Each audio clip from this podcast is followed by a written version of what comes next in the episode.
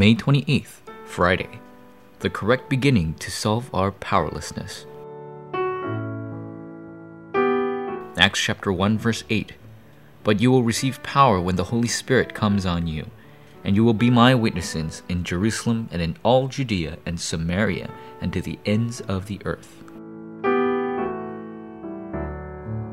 Jesus says, You will receive power when the Holy Spirit comes on you, and you will be my witnesses to the ends of the earth. Nevertheless, if we do not hold to this word as our covenant, we will be even more powerless than unbelievers or other religions, and we will be left with empty words. The most serious problem of Christians today is their lack of power.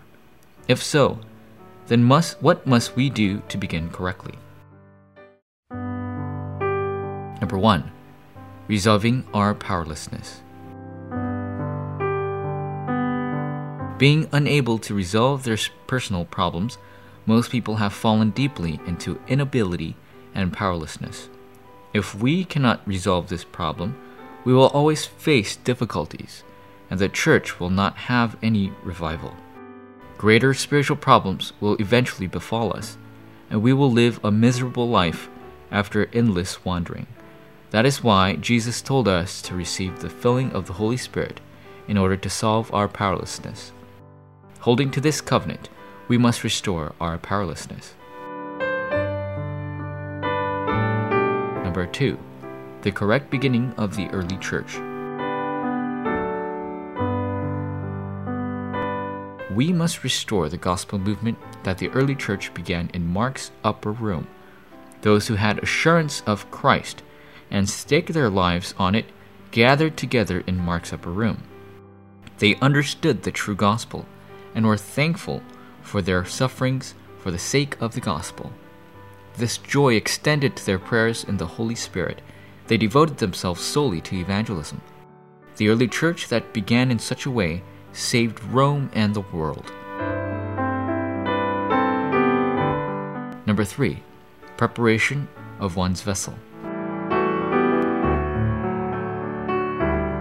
Answers will undoubtedly come if we grab hold onto the covenant of Christ.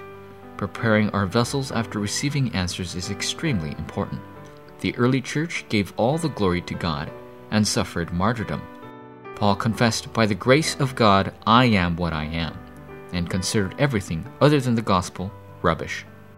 However, he confessed that this all surpassing power is from God and not from us, and that he would never boast except about the cross of our Lord Jesus Christ.